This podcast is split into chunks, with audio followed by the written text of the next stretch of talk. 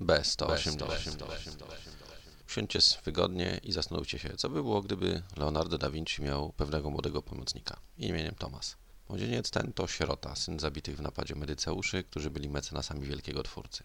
W zamian za podtrzymanie wsparcia finansowego zażyczył sobie zostać uczniem wielkiego mistrza renesansu.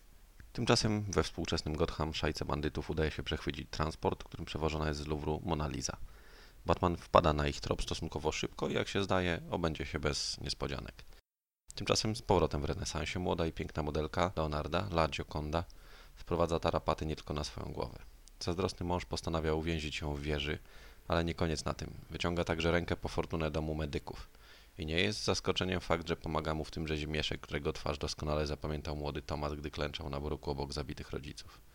Postanawia więc dokonać zemsty, a pomóc mu w tym mają wynalazki mistrza Da Vinci, latająca machina, ogniste pociski i kilka innych, równie przydatnych drobiazgów. Tymczasem w Gotham szef szajki odkrywa niezwykły szczegół. Słynny obraz to Pentimento. Pod warstwą farby kryje się kolejna, zamalowana być może przez samego mistrza. Złodziejom nie jest jednak dane się o tym przekonać, bo dopada ich pewien facet w pelerynie.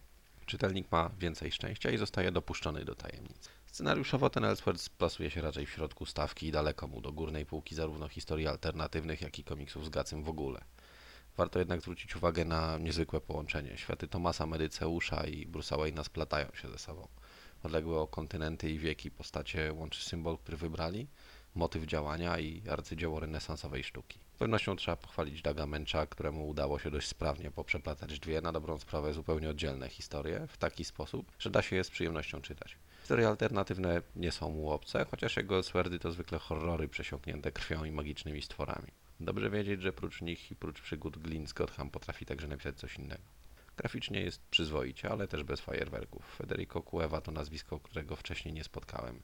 Ma styl tyleż ciekawy, co denerwujący. Posługuje się płynną kreską zmiennej grubości, co w zależności od upodobania czytelnika może w równym stopniu się podobać, co odstraszać. Ponieważ komiks powstał w pierwszej połowie lat 90., nie należy też spodziewać się objawienia kolorystycznego. Kolorysta wykonał zwyczajną, jak na tamten kres, przyzwoitą robotę.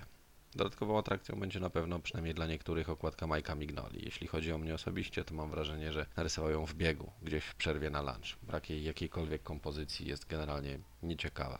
Trudno jest mi wydać jednoznaczną ocenę tej historii. Z jednej strony jest jej kompozycja i postacie.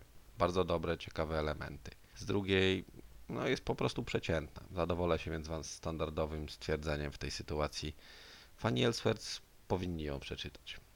Bardziej konserwatywni czytelnicy Batmana mogą z niej spokojnie zrezygnować. Pozdrawiam.